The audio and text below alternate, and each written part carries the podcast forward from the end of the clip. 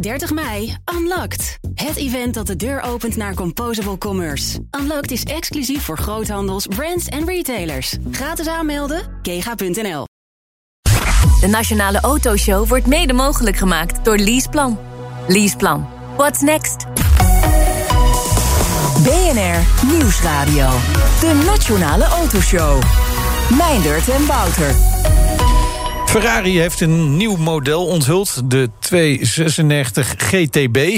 is niet een hele lekkere, Nee, een lekker ja. nummer om te noemen, hè? Welke Ferrari heb 296. Ja, 296 296 GTB. Oh. Dus was dat nuf? Oh nee, andersom. Ja. De, zo- nou ja, De- mijn Frans eh, is niet goed genoeg Nee. om dit in één keer Nee, spontaan maar te het is ook een Italiaans merk. Precies. Lastig. Ja. Wel een plug-in hybride. Oh, hoeft ook sportauto.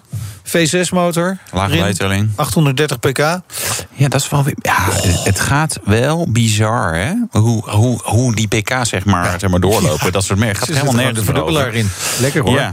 Straks schuift in elk geval eh, Ferrari-dealer Kroijmans aan om er meer over te vertellen. Ja, en dan sportauto's waar je niet te veel pk's bij nodig had. En dan hebben we het over de Burton Car licht, Company. Hart, ja, precies. Hartstikke Nederland. Zou hartstikke een nieuwe eigenaar krijgen.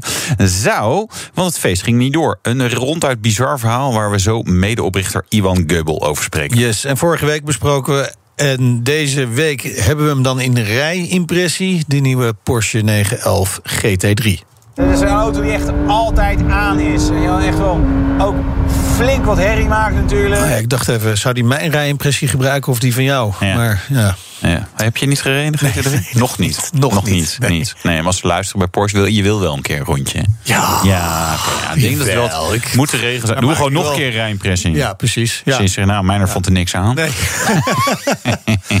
Te weinig pk. Ja, precies. Toch jammer. Wouter, jij was ook bij een eh, presentatie van Volkswagen. Ja, Ben je wat wijzer geworden ja Oh. zeker. zeker. Dat je heel leuk in het stadion kon zitten. Want ik mocht daarna mee voetbal kijken natuurlijk.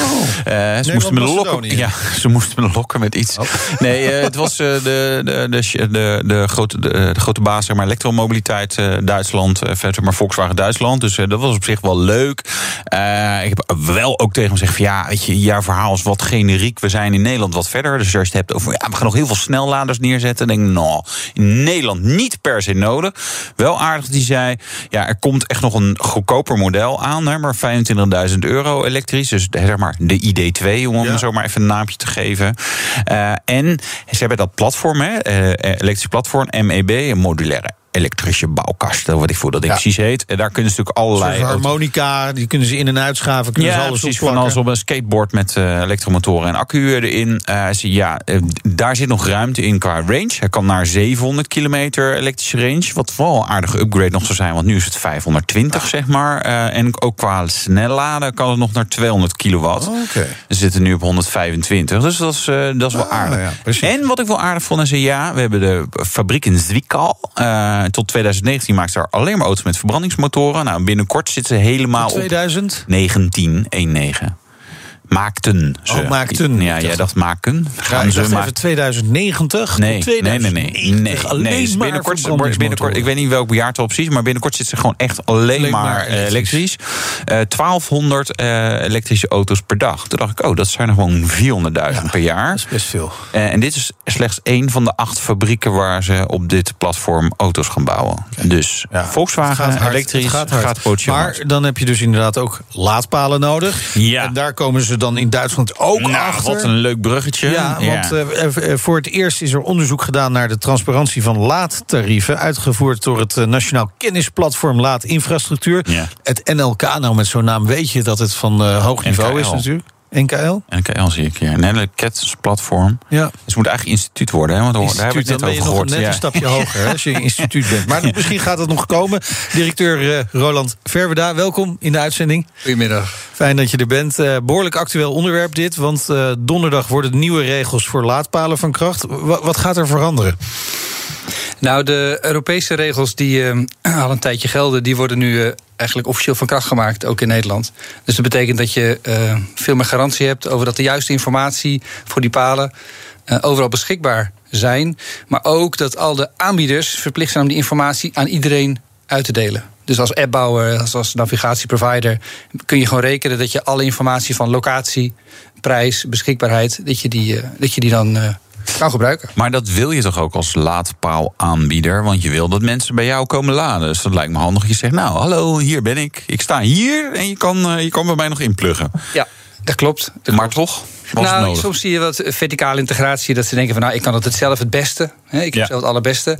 En nu zeggen we eigenlijk, nee, je bent verplicht om dezelfde kwaliteit aan iedereen aan te bieden. Ja. Zodat zeg maar, de, de coördinaten van waar zo'n laadpunt staat niet afhankelijk zijn van de app die je kiest. Ja, ja. zoiets simpels gewoon altijd overal. Ja. Ja, maar er is inmiddels er zijn echt heel veel apps waar je, waar je naar laadpalen in kan zoeken. En ik gebruik inderdaad ook wel verschillende. Want je soms je denkt, ja, dit kan niet kloppen. En dan pak je een ander en dan zie je inderdaad andere dingen. Maar dat zou dus straks, als die app een beetje goed in elkaar zit, dat ook nog. Nou ja, het is ook raar als je, als je, als je gaat concurreren op eh, de plek van het benzinestation. Dat is natuurlijk raar. Dus dat soort, daar moet je niet meer op hoeven concurreren. Dat doe je op prijs, dat doe je op service, op helpdesk, weet ik veel. Maar, Ja. niet, maar niet op dat soort eh, basale dingen. Service bij een laadpaal. Wat moet ik me dan voorstellen? Dat iemand anders me inplugt Dat een espresso-apparaat Nee, vroeger had je dat met tanken natuurlijk ook. Dat zeg maar, eh, iemand voor jou tankte. Dat was altijd wel fijn. In Italië hebben we dat nog steeds. En als je dat doet, dan betaal je 50 cent per liter meer. Maar precies, eh, ja. je, hoeft niet uit te En, stappen. en nog even een, een fooi erbij, hè, want je voelt je toch een beetje schuldig.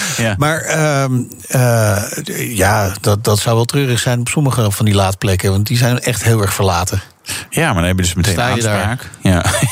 Met je, met je snoertje. En eens in het half uur hoef je maar wat te doen, want dan, ja. zo lang duurt het. Ja. Eh, Is het belangrijk dat, dat, dat er wat meer transparantie komt eh, rondom laadpalen? Ja, de afgelopen jaren eh, werd wel gemerkt. Hè, er zijn ook de Vereniging Elektriciteit die zeiden van ja, het is toch niet duidelijk genoeg. Ik zie toch net niet van wat is de prijs en wat zie ik dan op de factuur. Nee. Als ik ergens naartoe ga, zie ik dan meteen wat het kost. En ehm, nu zijn er heel veel zakelijke rijders. En die, Ja. hebben- die zien die rekening eigenlijk nooit Nee. meer. Nee. Dus we, met deze benchmark prijstransparantie proberen we ons echt te richten op de toekomstige rijder.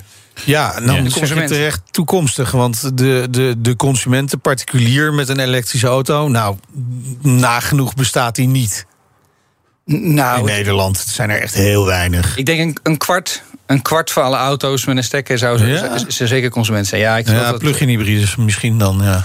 Ja, maar die gaan weer niet snel laden over het algemeen. Nee.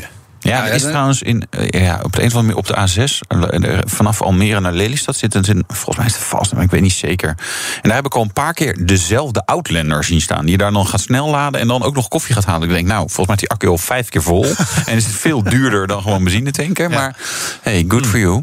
Ehm, kunnen we ook nog serieuze vraag eh, stellen hierom? Ja, Nou ja, vast ik, ben- wel. Ik ben heel erg benieuwd hoe dat dan gaat. Hè? Want die Ja. transparantie die is belangrijk. En dat heeft te maken met het feit dat er. Want je gaf het al aan, hè, die zakelijke rijder die heeft er geen, geen oog op. Want ja, die, die, die ziet die hele rekening niet eens. Maar het gaat voornamelijk om particulieren.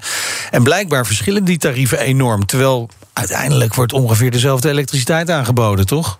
Nou, dat, ab- absoluut. Ehm, dus je zou, het zou niet erg zijn als die tarieven variëren... als je daarvoor veel meer service krijgt. Of veel meer, eh, veel, veel meer kwaliteit. Eh, betere dus- stroom. Dat betekent wel misschien dat je dan groene stroom stroom. krijgt. Eh, of zo, V-power- groene- ja, V-power stroom, Ja, ja, weet je wel. En ja. eh, eh, je ultimate stroom. Ja. Kijk, maar wat je nu, wat je, wat je nu ziet is dat, eh, dat, de discussie.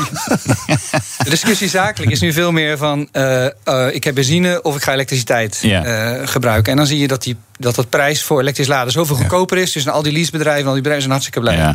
Maar voor consumenten is dat natuurlijk toch anders. Die willen weten van betaal ik een euro per kilowattuur of betaal ik 30 cent per kilowattuur. Ja. Helemaal als je daar op straat moet parkeren en laden en je bent ervan afhankelijk. Dus dan, Ja. En dan is, merk je dat het toch nog af en toe wat onbekend is. En ik denk dat dit een hele goede manier is om gewoon wat meer vertrouwen en rust te Oké, geven. Joh, ja. Komt wel goed. J- Jullie zeggen van nou, het moet transparant worden. Hè? Eh, Wat verstaan jullie er dan onder? Wat moet ik dan zien als ik bij die paal kom? Ik weet wel ook wel wat ik vaak niet zie hoor. Dus ik, maar ik ben wel vooral. Jullie zijn een kennisplatform. zijn- nee, binnenkort instituut, hè? Want dat is, dat is duurder. Wij maken promotie. Ja. Nee, Nee. De, je, kan, je kan heel naar de kale wet kijken als jij een pak melk koopt.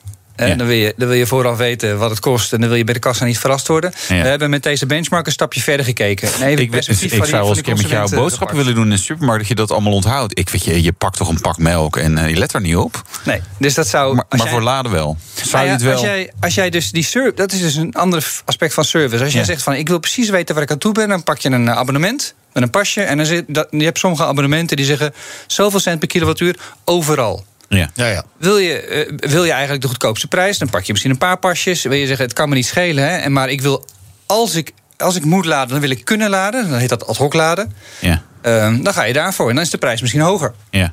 Dus het is juist leuk als jij als bereider kun- kun- kan kiezen tussen die opties. Ja. Ja, en, eh, maar het grappige, wat, wat is dan het verschil met tanken? Want tanken, tanken kan je dat eigenlijk wel. Zie je eigenlijk op de pomp altijd van, nou, dit is de, de, de prijs, dit zoveel liter heb je getankt en zoveel moet je gaan betalen. Precies. Ja, dat zie je bij snelladers ook. Dat is eigenlijk bijna hetzelfde. Dus daar is de transparantie ook wel goed. Ze hebben een display, je gaat erheen, eh, je laat, je bent klaar en je gaat, en je gaat weg. Het enige Ja. wat nog wel eens mis is dat lekkere kopje koffie. Hè. Dat, moet ook, dat moet ook gewoon geïntroduceerd worden. Dat Ja, je dat moet gewoon gebracht worden. Je staat daar een half uur lang, weet je wel. Dat, eh, ja. Eh, jullie hebben En het integreren met dat apparaat. Eh, Jullie hebben echt eh, onderzoek ook gedaan hè? Hoe, hoe- naar de transparantie. Want ik bedoel, het is leuk om er theoretisch over te praten, maar jullie hebben echt gewoon gekeken van wat, eh, hoe staat het er nu mee? Hoe, hoe hebben jullie dat gedaan? Nou, ehm, vorig jaar tijdens de, daar hadden we een onderzoek gedaan. Omdat men zeiden van, eh, men zei van het, is, het is gewoon niet transparant. En dan, dat kun je zeggen, hè, maar dan weet je helemaal niet nog hoe ontransparant, hoe erg is dat. Toen zeiden we wel al, het ligt niet aan de techniek. Weet je, technisch is het mogelijk om transparant te zijn. Om die informatie te delen tussen elkaar en dat gewoon te fixen. Dus wat is er dan aan de hand? En toen hebben we 1200 palen gepakt. Ja. Ehm, we hebben de grootste CPO's gepakt. We hebben de MSP's gepakt die. Sorry, CPO's. MSP's, wat? De, de operators, de, de Oh ja. exploitanten van de Ja, laadpaal. ja. Dus degene die eigenlijk die laadpaal beheren. En we hebben de, laten we zeggen, de pasjesaanbieder. Oké. Degene die het abonnement aanbieden, daar hebben we een aantal partijen van gepakt. Eh, en daar zijn we gewoon afgegaan. Dus eh, we hebben een aantal mensen gevraagd, ook een aantal vrijwilligers. Ga daar maar langs. Ja. Neem die batterijen van pasjes maar mee en probeer het maar. Ik kom daar aan, kan ik de prijs zien. Op de app, op de paal. Ik laad, eh, zie ik die prijs tijdens het laden. Dat je hem in de auto soms ziet of zo. Hè. ik, ik ben klaar. Wat zie ik dan? Ik krijg een rekening. Klopt die met wat, ik, wat, me, Ja. wat me beloofd is? Nou, en dat eh, hebben we eigenlijk heel methodisch uitgevoerd. En dat is de eerste keer eigenlijk in zijn soort, ik geloof wereldwijd, dat we dat doen hier. En, ik, ehm, ja, en de resultaten zijn volgens mij in ieder geval, wat mij betreft, eh, behoorlijk positief. ja. Wat is behoorlijk positief? Nou ja, je ziet dat. eh, Eindscore, jullie hebben echt een, een, een cijfer. Hebben jullie We hebben ervoor. een cijfer. Ja. We hebben een cijfer. Ja, dat is als je, als je echt experimenteel veldwerk doet en kwantitatief, dan wil je ook gewoon een cijfer geven. Ehm, wat wij zien is dat, eh, is dat bijvoorbeeld bij het snelladen.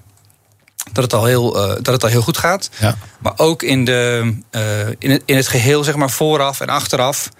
eh, betaal ik bijvoorbeeld op de, staat op de factuur de prijs die mij gezegd is. Dat is in 98% helemaal goed. Ehm, Dit- maar dus in 2% van de gevallen niet. in 2% zie je afrondingsfouten, andere dingetjes. Ja. Maar, Maar- geen hele, hele gekke dingen. Daar zagen we geen gekke dingen. Dus vooraf zie ik vooraf een prijs. Dat gaat ook in een groot aantal van de gevallen goed. Met een app en een website. Ehm, Ja, je hebt een website, maar op de paal zelf zie je dat ei- eigenlijk niet. Zeg maar zo, eh, ik ben snel nog nooit het zo zien oplopen van... joh, eh, dit gaat je, dit gaat je 60 euro kosten. Want dan had ik hem eerder eruit getrokken. Oeh, dit is heel duur. Hoppakee, afkappen nu. nou, dat, dat is dus bij, eh, bij snelladers kun je dat wel zien. Dan kun je dus wel het verloop zien van de kilowattuur. Ja, kilowattuur wel, maar dan moet ik zelf van zitten rekenen. Toch? Ja, dan kan ik dat Ah, ja. op zich wel. Daar hebben we maar- meteen, een, daar hebben we meteen een, een suggestie voor verbetering. Ja. je, om gewoon in euro's, in euro's te denken voor die eindklant.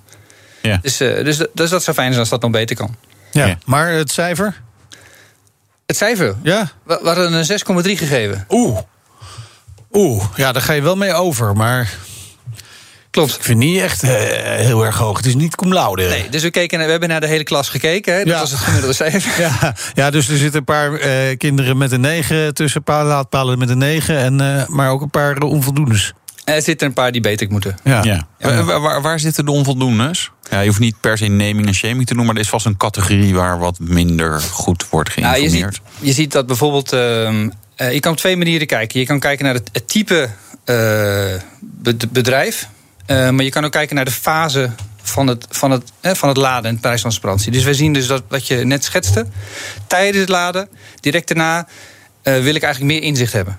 Wil ik gewoon weten hoeveel kost het me nou inderdaad. Ik wil, maar, eh, ik wil maar 40 euro uitgeven. Wanneer kan ik hem eruit halen? Ja, ik denk altijd voor een tientje, dus ik ga ook voor een Ik tientje voor een tientje, ja. nou, zoiets. Dus daar kan het nog beter. En als je kijkt naar het type bedrijven waar die palen staan, dan zien we eigenlijk twee plekken waar het nog niet zo heel goed gaat. Eén is dat je de. We noemen dat de semi-publieke palen. Dus de, de laadpalen die worden aangeboden door bedrijven, door winkels, door supermarkten. Ja. Die doen dat vaak als een soort aanvullende service. Hè. Die verdienen eigenlijk het meeste geld met de, met de boodschappen die je daar doet. Ja. En die lijken wat minder, nog wat minder geprikkeld te zijn om, om optimale transparantie te bieden. Dat zeg je heel mooi. Ja. Dat is één. De, de, tweede, de, tweede, de tweede plek wat we zien is dat we met name, als je kijkt naar ad hoc laden noemen we dat. Laden zonder abonnement. Ja. Ik kom gewoon ergens aan en ik wil laden nu. En ik, ik heb geen pasje nodig. Dat is verplicht, is wettelijk verplicht dat je dat toestaat. En wij zien dat dat bij snelladen goed gaat. We zien dat bij, uh, bij dat langzaam laden, het parkeerladen... Um, dat het daar in veel gevallen nog niet eens wordt aangeboden. Bij snelle, ik zit maar hoe dan? Met je pinpas of zo? Ja. Kan dat? Ja. Oh. Of, met een, of met een app. Ja, maar dan moet ik die app downloaden. En ik heb misschien geen mobiel internet. Dat is afgesloten, want ik misdraad. Ja, nee, nee, nee, het is wel. Dit is, het allemaal, het is allemaal, niet alleen dat het kan, maar het is verplicht, toch? Dat ja, je dat verplicht. kunt doen. Ja. Het is verplicht. Dus de, dat vind ik op zich wel heel netjes hoor. Vanuit Europa zeggen ze dat je moet ook zonder abonnement, zonder dat je allerlei gegevens achterlaat, moet je in staat zijn om gewoon te laden. Hey, en, tot, tot slot, hoe, hoe groot kan het verschil nou zijn tussen de, zeg maar, de goedkoopste paal en de duurste paal? Uh, hebben jullie daar ook nog even naar gekeken? Nee. Nee. Nee. Nee, dat is. Dat is um, we, zijn, we zijn geen uh, consumentenbond of zo, hè, die zegt van nou, het draait de pan uit. Je ziet natuurlijk wel grote verschillen. Je ziet dat gemeentes heel erg proberen om die prijs op straat laag te houden. Die zeggen dan van ja, je ja. Moet, het is eigenlijk oneerlijk als je op straat moet laden, dat je dan veel meer moet betalen als je privé doet. Ja. En snelladen is duurder dan parkeerladen. Ja, okay. ja. En als, als we dan kijken naar de aanbevelingen die vanuit dit rapport naar voren komen, dan zijn dat zorg dat dat ad hoc laden ook echt overal op orde komt. Dat moet. En, en meer investeren in het inzicht tijdens en na de laadsessie. En, en wie moet dat regelen? Nou, de, de, exploitanten zijn primair verantwoordelijk voor het ad hoc laden. Daar heb je geen pasje, niks voor nodig. Het zijn alleen hun die dat gewoon ja. overal moeten regelen. Zodat iedereen die denkt van nou, ik wil elektrisch gaan rijden... gewoon het vertrouwen heeft, ik kan gewoon overal naartoe. Oké. Okay. En dat meer inzicht, ja, dat moeten zij ook zelf gaan regelen. Maar er moet iemand wel controleren natuurlijk. Uh, dat, dat moet iedereen controleren. Dat moet iemand controleren. Dus dat, uh, nou, misschien dat we volgend jaar gewoon weer zo'n soort benchmark oh, kunnen doen. We willen wel volgend jaar dan naar een service benchmark toe. Dus dat we niet alleen naar prijs gaan nee. kijken, maar eigenlijk naar het brede pakket. Hoe is die helpdesk? Um, he, hoe, is de, hoe, hoe, is de kwaliteit van informatie?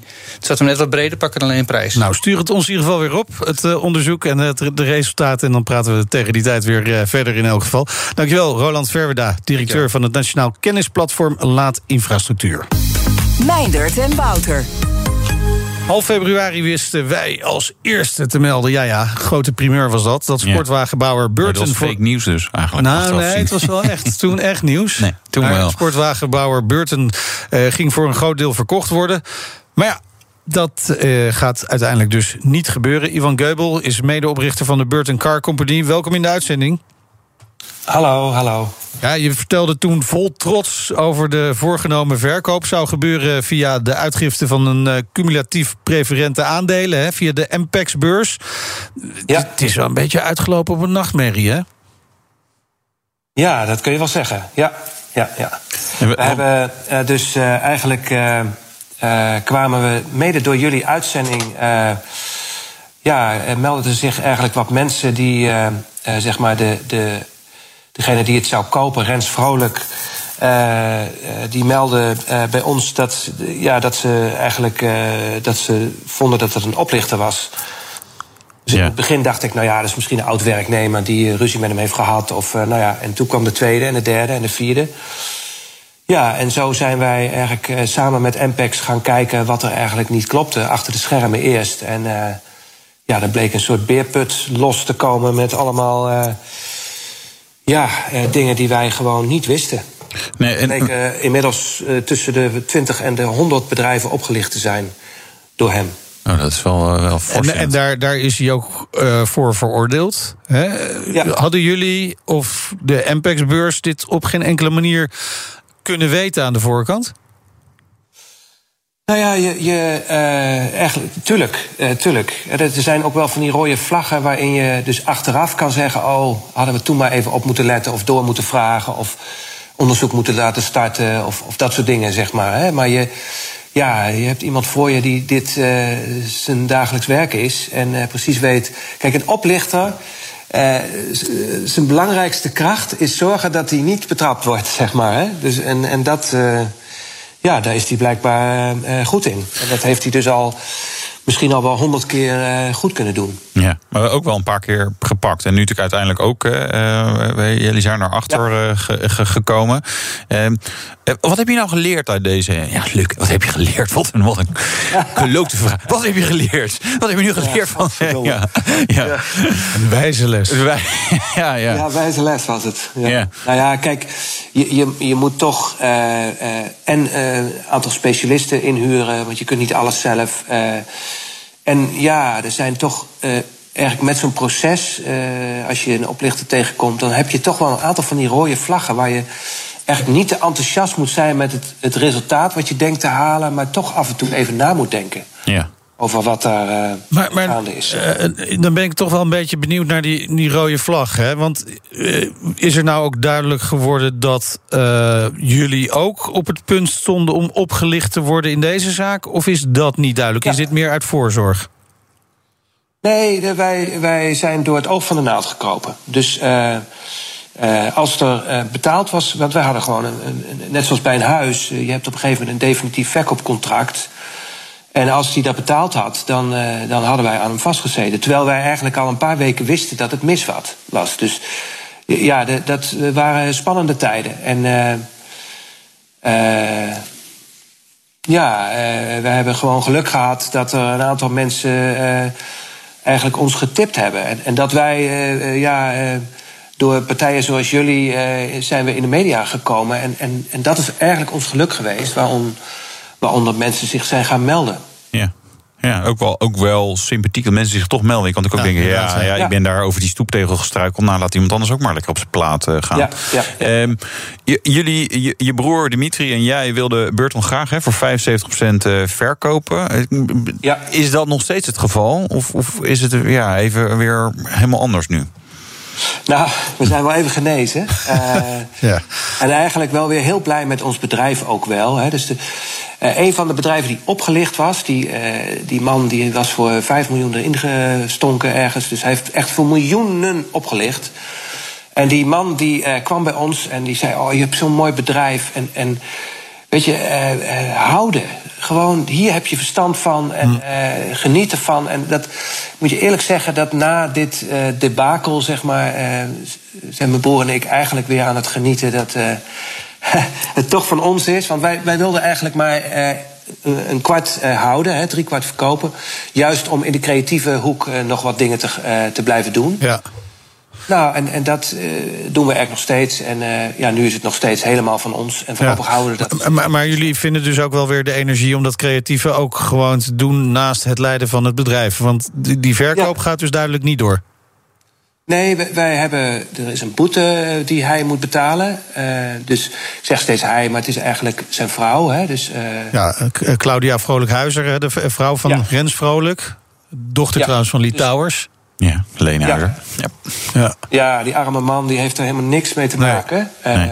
Dus dat wil ik nog maar even zeggen. Dat is duidelijk. En, uh, ja, uh, zij natuurlijk allebei wel. Want zij probeert zich een beetje te verschuilen achter haar man. Maar ja, zij heeft veel, van alles wel getekend. En, en zij leiden een luxe leven met veel paarden en uh, ja, prachtige huizen en, en, uh, en dat soort dingen. Dus ja, ik vind maar... wel degelijk dat zij ook verantwoordelijk is voor het geheel. Ja. In ieder geval geen. wij, wij hebben een boete. Ja. Wij krijgen nog een boete van 150.000 euro.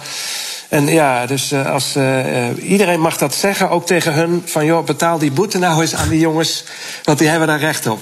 Goed, dankjewel. En daar kunnen jullie dan weer mooie dingen mee doen... Uh, met ja, Burton Car Company, dat dus gewoon jullie eigendom blijft... en waar jullie weer vol energie in gaan zetten... om dat verder uit te bouwen. Dankjewel, Iwan Geubel van de Burton Car Company. Een reconstructie van dit bizarre verhaal staat deze week ook in Zakenblad Quote. En zometeen... Ferrari-dealer Kroijmans over het nieuwste model, de 296 GTB. Wat ik echt een niet zo fijne ja, naam vind. Zal ik dan nog meer getallen gaan noemen? Want we rijden in de 911 GT3. Ja, dat klinkt dan weer beter. Ja, ja. Porsche.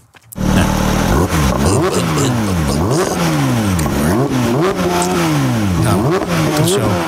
Lekker. We gaan even, even rijden.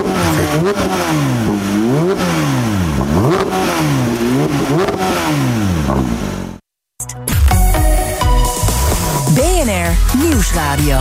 De Nationale Autoshow. Meindert en Wouter. Vorige week bespraken we hem al in onze show, maar het leukste is toch om er zelf in te rijden. Wouter test straks de nieuwe Porsche 911 GT3.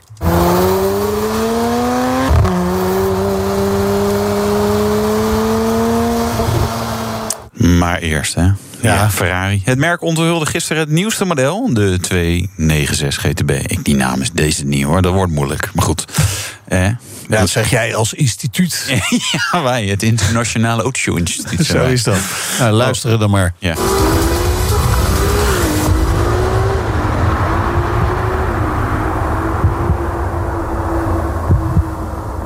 Hoor je dat?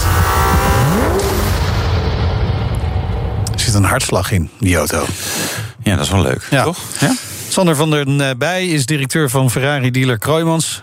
Welkom, leuk Ja. dat je er bent. Ja, dankjewel. Gisterenmiddag eh, werd de 296 of 296 GTB onthuld. Wat is het nou? 296. 296. Laten we daar maar op dus houden. toch? Ja, Ja, oké. ja. Want, waarom? Nou, dat is, daar zit totaal geen logica in. Oké, gelukkig. Dus dat, is wel. eh, Typisch Italiaans. Ja, maar Ja. Ik, ik kan wel uitleggen hoe ze aan die naam gekomen zijn. Ja. Want het is 296, dus de 2 en de 9 horen eigenlijk bij elkaar. Dat staat voor 2,9 liter, de motorinhoud. Ja. En de 6 staat voor 6 cilinders. Ja. Ja, dat is een Alfa Romeo blokje misschien wel, hè? Want dat die ook een 2.9 V6. Ja. Dat is door wel. Ferrari eh, opgekieteld. Er zijn misschien wel meerdere merken die ook een, eh, een V6 hebben. Maar het is, het is Ja, geen Audi, Alfa-blok. R- Audi RS5 is ook een ja, 2.9 zal er niet vandaan V6. komen. En daarmee ook de Porsche Cayenne eh, S. Moet altijd even denken. Ja, er zijn heel veel. Maar het is wel een logische vraag. Want ehm, eh, het komt natuurlijk allemaal uit Italië. En het Ja. komt ook wel een klein beetje uit dezelfde koker. Als je bijvoorbeeld ook kijkt naar de Maserati MC20. Ja. Dan zou je denken van... hé, hey, dat zal dan misschien toch hetzelfde blok zijn. Maar... ehm, en laat ik even vooropstellen, het, het- persbericht is natuurlijk nog aardig eh, vers ook. Hè? Want het was natuurlijk, eh, hij is gisteren gepresenteerd. Maar wat je bijvoorbeeld ziet is dat de blokhoek is totaal anders. Het is een blokhoek van 120 graden. Dat vind, Ja. dat, is- dat vind ik vrij bijzonder. En waarom hebben ze dat gedaan? Even uitleggen voor de mensen die dat niet weten. Ja, dat is eigenlijk de, de, de positie van de cilinders hè, ten Ja. opzichte van elkaar. Dus ja, dan je hebt de V, hè? Want het is een precies. V6. Het is een V6, ja, en dan kan 90, 60, eh, 120, 65. 180 graden kan ook zijn. Een platte V. Dat is eigenlijk gewoon een, eh, maar dat is wel weer geen boxermotor. Nee, oh, we kunnen hier een hele, een hele uitzending aan wennen. Inderdaad, ja. een vlakke, een vlakke. inderdaad, ja. Ja. Maar dat klopt, dus, eh, dus dat is al anders. En, de, en er ligt er dus eigenlijk op het blok liggen dan die twee turbo's. Ja. En dat hebben ze dan zo, dat hebben ze gedaan om het allemaal zo compact mogelijk Ja. te houden. En daar zit er ook weer aan gekoppeld die elektromotor. Ja. En, en dat hele, dat hele package bij elkaar zorgt voor meer dan 830 pk. Ja, Ja. dat is wel indrukwekkend, hè? 830 pk. Ja, ja. Wauw. En eh, dat eh, is ook interessant voor eh, de klanten van Kroijmans. Stond de telefoon gisteren gelijk Nou, ja. gloeiend? Ja, ja, ja, het begon al lekker. Want, eh, Er staat nog steeds te stomen. Eh, ja, en, dan heb je natuurlijk ook klanten. Nou, had je me dat vorige week niet kunnen vertellen? Maar eh, ja, het antwoord is dan echt nee. Want het mooie van Ferrari is dat ze dit soort dingen echt tot het laatst eh, geheim weten te houden. Eh, voor de COVID-tijd kregen wij als dealer nog wel eens een paar weken of een paar maanden van tevoren al een soort sneak preview op de fabriek. Maar ja, daar zijn we ook al een jaar niet geweest. Nee. Dus voor ons was het ook eh, een aangename verrassing. Maar we zijn er erg blij mee. Want het is, eh, wat, wat Ferrari ook zegt in de aankondiging van de auto, fun to drive. Eh, daarmee wil ik natuurlijk niet zeggen dat de andere Nee, het modellen is niet wel leuk, leuk dat ze dat moeten benadrukken. Nee, Ja. maar het is natuurlijk wel plug-in hybrid. Dus Ja. we hebben zo'n grote accu Ja. laden. Ja, dat willen we maar allemaal niet. is- Ja, nee, er zit er wel een accu in natuurlijk, maar die is niet zo gigantisch groot. Maar je moet hem. Het advies is wel, als je de auto niet gebruikt en je zet hem in je garage of waar dan ook, dat je hem wel even bijlaat. Ja. Eh, Aan de druppelaar. eh, aan de druppelaar, om het zo maar te zeggen. Dus een mooie kabel zit eraan vast. Dus dat moet je echt wel doen. Ja. Maar het, het voordeel is natuurlijk... eh, het heeft een aantal voordelen natuurlijk. Dat A, dat, dat enorme vermogen wordt eh, gerealiseerd. Uit, Ja. uit die zescilinder. En eh, ja, als je het ook hebt over uitstoot... wat natuurlijk ook weer voor de Nederlandse markt belangrijk is in de vorm van uiteraard voor het milieu, maar ook eh. Ja, ja, ja. Vooral voor het milieu belangrijk. Ja. Ik vind dat we ook wel benadrukken. Wel lekker Ja, dat, dat je gewoon op feestjes en partijen kunt zeggen... ik heb deze auto gekocht omdat ik zo begaan ben met het klimaat. Ja, ja. Zeg, wij, wij als Automotive Kennisinstituut... eh, is het belangrijk dat we weten waar die cijfers voor staan. Maar Ja. die, die letters, GTB, nog speciaal... Ja, Gran Turismo Bellinetta. Juist. En dat is ook eigenlijk een, een aanduiding die Ferrari al sinds de jaren gebruikt, ja. 60 al gebruikt. In allerlei varianten. 275 GTB. Nou, dan gaan we maken wat stapjes verder. 308 GTB. 488 GTB. En dan nu ook weer eh 296. Ja. Het leuk bij de 488, dat was niet een 4,8 liter achtcilinder. Ik weet niet, waar, waar staan die? Ja, bij- dat was, dan, dat, was dan weer die, zijn- dat was dan weer die individuele Ja. eh, cilinderinhoud. Dat hebben ze ook wel eens gedaan. Hè? Dus Ja. je dan eh, dat keer zoveel doet... Ja, dan en de- bij de ook weer- 355 was het wel een 3,5 liter en dan 5 kleppen per cilinder. Juist. Weet je, krijg je dat Ja. soort dingen. Er is altijd een verhaal Ja, ze- bij ze- de ja, cijfers. ze zijn Ja, heerlijk en er komt, ineens, en er komt ineens een F8 Tributo doorheen. Wat Ja. dan weer Heerlijk totaal anders inconsequent Ja. eh, daar bij Ferrari. Ja, Maakt absoluut. het ook wel eh, deels. Ja, wij noemen dat, wij noemen dat eh, onvoorspelbaar. Ja, precies. Ja. Eh, Dat is wel leuk. Unpredictable. Net Ja, zoals de dat auto zal zelf die- soms. Dat zal die auto ook zijn met Ja. eh, 830 pk op de ik denk het wel. achterwielen. Ja, en eh, jullie als autokenners hebben natuurlijk een aantal maanden geleden, ook een aantal weken moet ik zeggen, de, de introductie van de 812 Versione Speciale, oftewel de competizione meegemaakt. Ja, Ook 830 pk. Ja. Maar dat komt dan uit een ongeblazen 12-cilinder. ja. Dus ja, weet je. Wordt dat het nieuwe standaard, 830 pk? Nou ja, dat ga je haast denken. ja. ja, want. eh, maar dat is is in wel. ieder geval voldoende voor Ja, de meeste toepassingen. Dat wel, ja. 8,3'tje, hè? Ja. Prima. Eh, eh, eh, eh, Hoe snel eh, gaat het allemaal een beetje? Wat zijn de prestaties? Ja, heel snel, want het gaat Ja. 0 naar 100 in, eh, in minder dan 3 seconden. hè, Ja. 2,9 seconden. En dan 0 naar 200 in 7,3 seconden. Ja.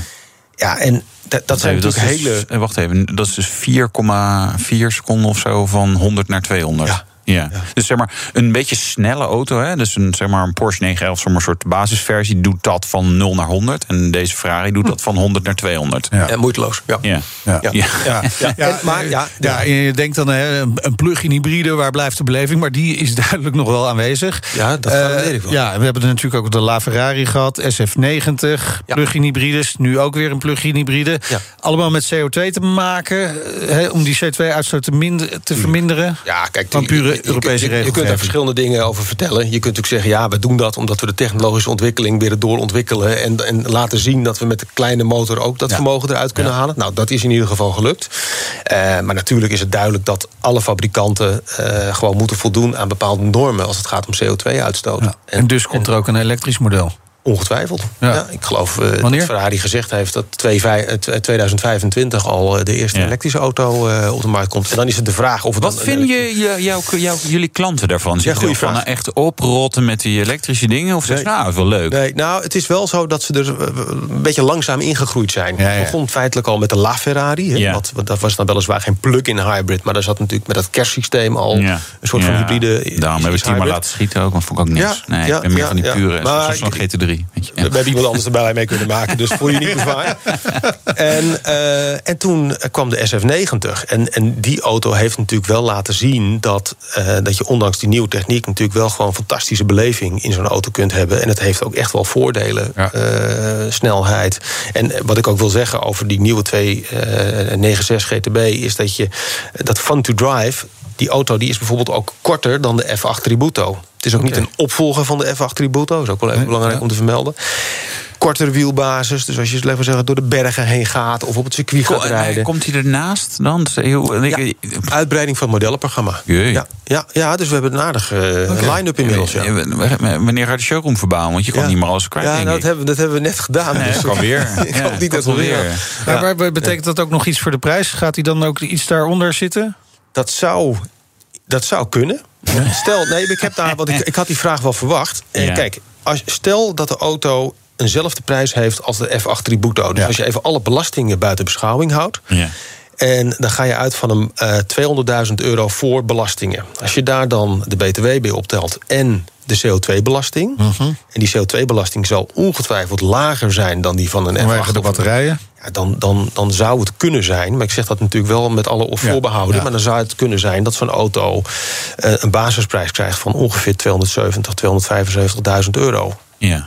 Eh, Ja, en al die voorbehouden, weet je het echt niet? nee, ik Of- weet het echt niet. Nee, Nee? anders zou ik het natuurlijk eh, Ja, ja, alle vol precies. overtuiging Ja, ja. vertellen. Ja, Ja, nee, ja. maar dat weet ik nog niet. Maar Nee, en als je klanten dat bellen, dat- wat zeg je dan? Nou ja, dan geef ik dat eh, onder voorbehoud. eh, geef ik Ja, dat dan door. Ja. Maak gewoon 350.000 euro over, dan komen we er wel uit. Ja. Misschien want- krijg je iets terug. een paar Ja. winterbanden erbij Ja, eventueel.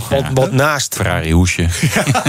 Inderdaad. Nou, we kunnen, we kunnen ons wel kwaad maken wat dat. Laadkabel. Want eh, naast dat we natuurlijk een hele mooie Ook hele leuke brillen met Ferrari erop. Ja, brillen heb je ook daarbij nodig. kleding en koffersets en noem maar op. precies. Maar Van allemaal. je kunt die auto's tegenwoordig natuurlijk helemaal tailor-made laten maken. Dus Ja. eh, geen enkele auto die we vandaag de dag afleveren is hetzelfde. Mensen kunnen kiezen uit eh, nou, eh, ontelbare kleuren, eh, Ja. materialen, leer. Zit er dan ook wel eens iets bij waarvan je denkt... mm, Ja, ik, ja interessant. Ik, ja, ik hoop dat jij het Ik mooi vind er vast een klant voor. Ja. Nou, ja. kijk, het mooie is, eh, eh, een, een smaak is natuurlijk altijd persoonlijk. Ja. maar je moet wel natuurlijk, als, als, als je... En moet er een paar biertjes bij jou ingooien zodat we dat te horen Ja, krijgen? kijk, m- mensen die vragen natuurlijk wel eens aan ons van ja, wat zou jij doen? Maar dan, Nou, dit dan- niet. dan- ja, kijk, als je natuurlijk alleen maar je eigen mening. Nee, mensen moeten wel zelf keuzes maken. Ja. maar Ja. ik moet er wel bij zeggen, als mensen eh, bepaalde combinaties zouden willen. dan is de designafdeling van Ferrari best wel streng. En dan zeggen ze, nou, dit doen we niet. Nee, we doen bijvoorbeeld geen eh, roze auto. Of, Nee. eh, of dat soort.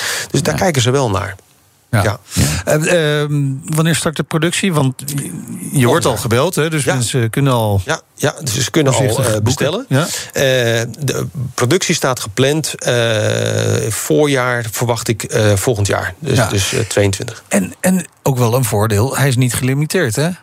Dus jij kunt gewoon lekker volop schrijven. Nou, ik, Oh. eh, feitelijk is elke Ferrari gelimiteerd. Ja. Want Ferrari eh, bouwt nog altijd een beperkt aantal auto's. Dat doen ze natuurlijk al bijna 75 jaar uit dezelfde fabriek. Eh, en- die beperking is er. Dus het is niet zo dat als ze een nieuw model eh, op de markt brengen... dat er ergens in Italië een tweede Ja. fabriek wordt geopend. Maar ja, Dus het heeft, toch al een Alfa Romeo motor. En daar hebben ze wel wat eh, productiecapaciteit over. Nou Dus, ja, kijk, daarom. Maar goed, om, om zo'n blok dan weer eh, behoorlijk aan te passen... zoals je hebt gezien, wordt het toch wel eh, specifiek. Nee, maar eh, het, het, weet je, het is niet zo dat wij kunnen zeggen... nou, we- we, we bestellen die auto's ongelimiteerd. Want Ferrari zegt gewoon eigenlijk aan, aan het begin van elk jaar... je krijgt zoveel auto's. Ja. Ja. Punt. Ja. En, en, en, en eh, als je er Maar- meer verkoopt, dan Ja, heb je ja, wachttijd. en, eh, en als je ze allemaal hebt eh, uitverkocht, kun je altijd nog naar een ander merk. Want eh, naast dealer van Ferrari zijn jullie ook dealer van Aston Martin. Sterker nog, de enige in Nederland. Ja, ja, ja dat, dat klopt, ja. Nu. Eh, op dit moment zijn wij de enige verkoopdealer in Nederland. ja Eh, Cito Motors is- gestopt. Die is wel servicepartner nog. Ja. En Aston Martin heeft in het kader van hun Second Century Plan... twee jaar geleden aangegeven dat ze in een aantal Europese landen... het, het sowieso het netwerk opnieuw willen onder de loep willen nemen, om het zo maar te zeggen. En voor Nederland hebben ze gezegd... nou, wij willen eh, door met één partner... eh, centraal gelegen in Nederland. Ja. Dus met die Nou, dan boodschap... kom je bij ben- Kooijmans ben terecht ik- in nou ja. Dus ik Ja. heb inderdaad tijdens mijn presentatie... een kaartje van Nederland laten zien. Ja. Daar heb ik een kruis doorheen getrokken. En toevallig kwam dat middelpunt Ja. uit in Hilversum. Gek, dus gek, dat, ja. dat, dat, dus Dat hielp ja, wel. Dat hielp wel, ja. Maar dat betekent ook dat je twee keer zo hard moet werken. Om Absoluut. dezelfde Ja, aantallen. Ja, ja, ja want eh, we gaan dus meer auto's verkopen. Dat is natuurlijk de, de verwachting eh, Ja. vanuit ons eh, als, als, als verkooppunt. Maar afgezien van de verkoop, je moet ook investeringen gaan doen. Onze hele showroom wordt eh, binnenkort eh, aangepast aan de, aan de nieuwe corporate identity van Aston Martin. Ja. Dus daar gaan ook wel wat eh, investeringen aan vooraf. Hel- Helpt het dan ook dat eh, Aston Martin in de Formule 1 actief is? Absoluut. Ja? Ja, ja 100%. Ik, wij, merken nu dat de verkoop ten opzichte van bijvoorbeeld het, het vorig jaar en het jaar daarvoor al enorm is aangetrokken. Komt bijvoorbeeld ook door de introductie van de DBX. Hè, zijn er ook Ja. al, eh, al tien eh, tot en met maand mei in De Nederland SUV. geweest. De, de SUV, die doet het heel erg goed. Eh, maar die Formule 1 die heeft absoluut een enorme spin-off. Ja.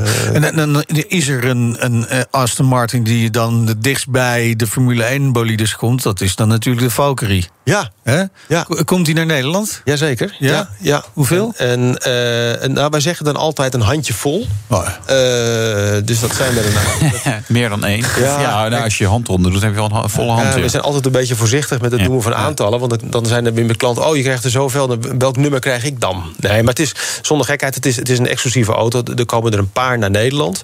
En eh, ja, daar zitten we wel met smart op te ja, wachten. dat is echt een hele bijzondere auto. hè? Ja, ja, en als je het hebt over, over Formule 1... Weet je, Adrian Newey is natuurlijk bij het eh, project betrokken. Eh, maar eerlijkheid gebied wel te zeggen... dat het ook wel tijd wordt dat die auto nu wordt uitgeleverd. Want het project dat loopt feitelijk al sinds 2017. Ja. Ehm, Aston Martin heeft een, een, een, een nieuwe CEO, Tobias Moers. Die komt bij AMG vandaan. Daar hebben ze ook ervaring met een, met, Project met, One, ja, met die een vergelijkbaar een project. ja. Ja. Nee, wij hopen wel dat dat nu wel echt zijn voltooiing gaat, eh, gaat krijgen. Ja, hè, want er staat sowieso veel te gebeuren hè, bij Aston Martin. De, de Speedster Zeker. komt Ja. eh, eh, binnenkort. Twee nieuwe versies van de DBX. Eh, nou, die zijn nog niet bevestigd. Nee, die, die V8 plug-in hybride maar, niet? eh, nee, nog niet bevestigd. Be- nog niet bevestigd. Het eerste wat er gaat komen... toevallig heb ik daar vanmorgen met Aston Martin... een, een, nou ja, een, een, een informatief gesprek over gevoerd... dat er waarschijnlijk volgend jaar een, eh, in ieder geval een, nog een krachtigere versie uit gaat komen van de DBX. Maar wat daar de specificaties van zijn, dat weet ik echt nog niet. Dat weet ik niet. Nee. Nee. Maar het is logisch dat zo'n model... waar die, die binnen de range van Aston Martin succesvol is... dat daar meerdere varianten op komen. Leuk dat je range zegt. We moeten eigenlijk nog even over Land Rover hebben en Jaguar. Maar Ja. Uh, Prima. Het is wel een beetje rustig daar, of niet? Op dit ja, moment. Nou, het gaat goed, maar uh, kijk, belangrijk is dat er voor, van heel veel modellen... Uh, zijn de, de lang verwachte plug-in hybrids eindelijk verschenen. Jaguar alle Pace modellen, Range Rover ook waarschijnlijk... of tenminste vrijwel de hele range. Alleen daar zitten we met wat leveringsproblemen. Ah, dus dat is wel een uitdaging. Dus de vraag is er wel, alleen we willen ook graag ja. leveren. Ja, en ongetwijfeld staat je telefoon weer rood gloeiend... na dit gloedvolle betoog over... Ja die uh, mooie nieuwe Ferrari. Dankjewel. Sander van den Bij, directeur van Kroijmans, dealer van Ferrari, Aston Martin en Jaguar Land Rover. Leuke snoepjes zijn het allemaal, hè? Ja, precies. Heel lekker. De rijimpressie. Ook een lekker snoepje is uh, voor sommige mensen Wouter. Uh, waar die in rijdt voor andere mensen weer de Porsche 911 GT3. Luister! Ah gaat af. Het is hier wel een bocht. Ik kan hem niet helemaal vol doorhalen. Ah, dat doet Porsche toch gewoon echt heel erg goed. Hè? Atmosferisch blok, 4 liter groot. Uh, en het draait echt waanzinnig veel toeren. Even drempeltje en dan zal ik hem even doorhalen. 8000, 9000, dan moet ik schakelen. Ah, jee, 9000 toe. En het geluid is ook, ja, ik hoop dat het een beetje mee uh, overkomt op de radio, maar het is echt waanzinnig. En vooral misschien ook wel buiten, maar het is echt alsof je met een racer bezig bent. Een 911 Cup auto. Ik denk dat hij niet veel ruiger klinkt dan dit. Aantal pk's 510, klein bescheiden plus ten opzichte van de vorige generatie. Uh, 470 Nm koppel, zijn er ook 10 meer dan de vorige generatie. Sprint naar de 100, 3,4 seconden. Naar de 200, 10,8 seconden. Dat is overigens allemaal met de PDK-bak. Je kunt hem ook met handbak krijgen. Uh, interessant genoeg in Amerika bijvoorbeeld is het echt 50-50 handbak uh, PDK. Daar wordt hij langzamer van. Uh, eh, 3,9 seconden naar de 100, 11,9 naar de 200. Um, dan heb je een, een 6 bak overigens. Dit is een 7 traps PDK-bak. Ja, natuurlijk geeft wel beleving de handbak, maar ik vind die PDK ook wel echt goed. Hè? Zo terugzakelend geeft hij lekker zelf tussengas. En dan kom ik hier bij wat bochten bij bijna 90 op de klok nog even terugschakelen. Oh. Dus dat is heel erg gaaf van de 911 GT3. Maar wat ook echt lekker is. Het is een auto die je zeg maar, elke keer weer uitdaagt om net even wat harder die bocht in. Nog eventjes zeg maar, iets vroeger op het, op het gas. Klein curbstone meepakken. Het was geen curbstone, maar het was gewoon andere bestrating aan de zijkant van de provinciale weg hier. Maar dat gevoel, ik merk het echt, zeg maar, sommige bochten kom, kom ik heel vaak, ken ik heel goed. En op een gegeven moment is het, nou ja, hoeft niet nog harder. Nou, in de 911 GT3 wel. Wil je toch nog eventjes iets harder. Hè? Is een auto die echt altijd aan is. En echt wel ook flink wat herrie maakt natuurlijk. Hè? We geluidsisolatie, et is echt wel minder. Uh, heeft uh, ja, verstelbare clip in het uitlaatsysteem. Hè? Die afhankelijk van wat je aan het doen bent in welke stand je rijdt. Die stelt hij erbij. Ah, een bocht. Maar het is vooral bochten ingooien. Um, gewijzigde voorwiel en achterwiel ophangen is echt waanzinnig. Standaard adaptieve Porsche onderstel. Pas hem 20 mm lager.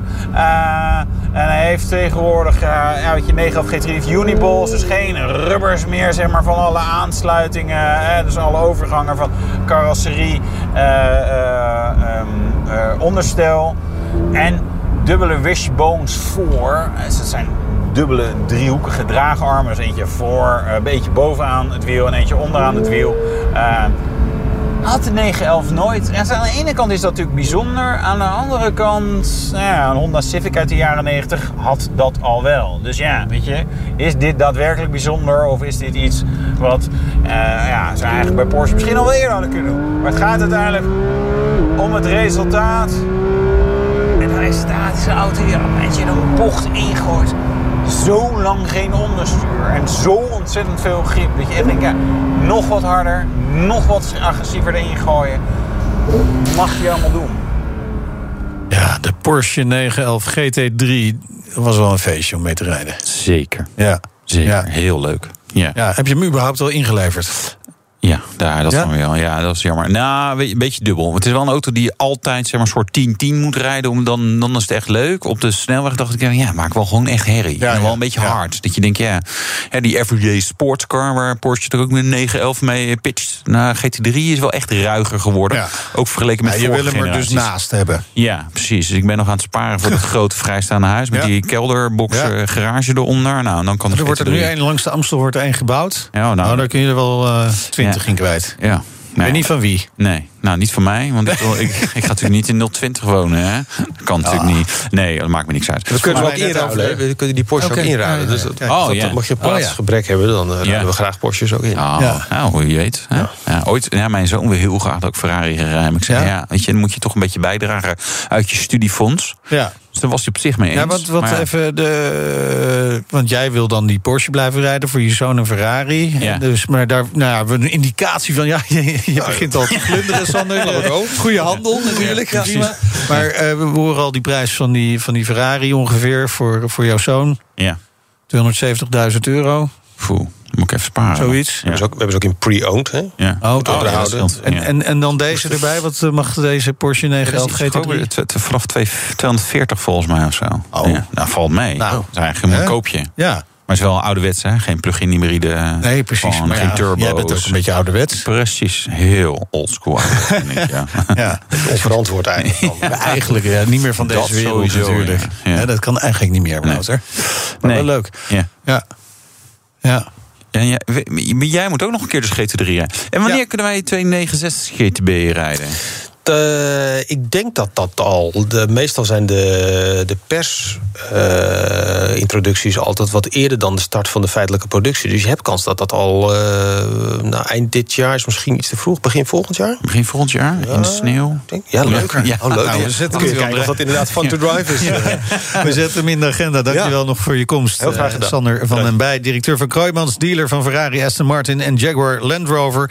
Dit was de Nationale Autoshow. Terugluisteren kan via de site, de app, Apple Podcast, Spotify. Ja, waar kan je ons niet luisteren? En abonneer je nou via al die kanalen. want Dan kan je ons meerdere keren terugluisteren. Hartstikke leuk. Kan je ook ons meteen volgen. Twitter, Facebook, Instagram. Precies. Kun je ook allemaal. leuke foto's zien en dergelijke. Precies. Ja, mooie filmpjes. Ja. Eh, ik ben Meijnerd Schut. Ik ben Wouter Karsen. En volgende week zijn we er weer. Tot dan.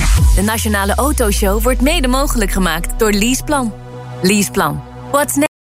30 mei, Unlocked. Het event dat de deur opent naar Composable Commerce. Unlocked is exclusief voor groothandels, brands en retailers. Gratis aanmelden, kega.nl.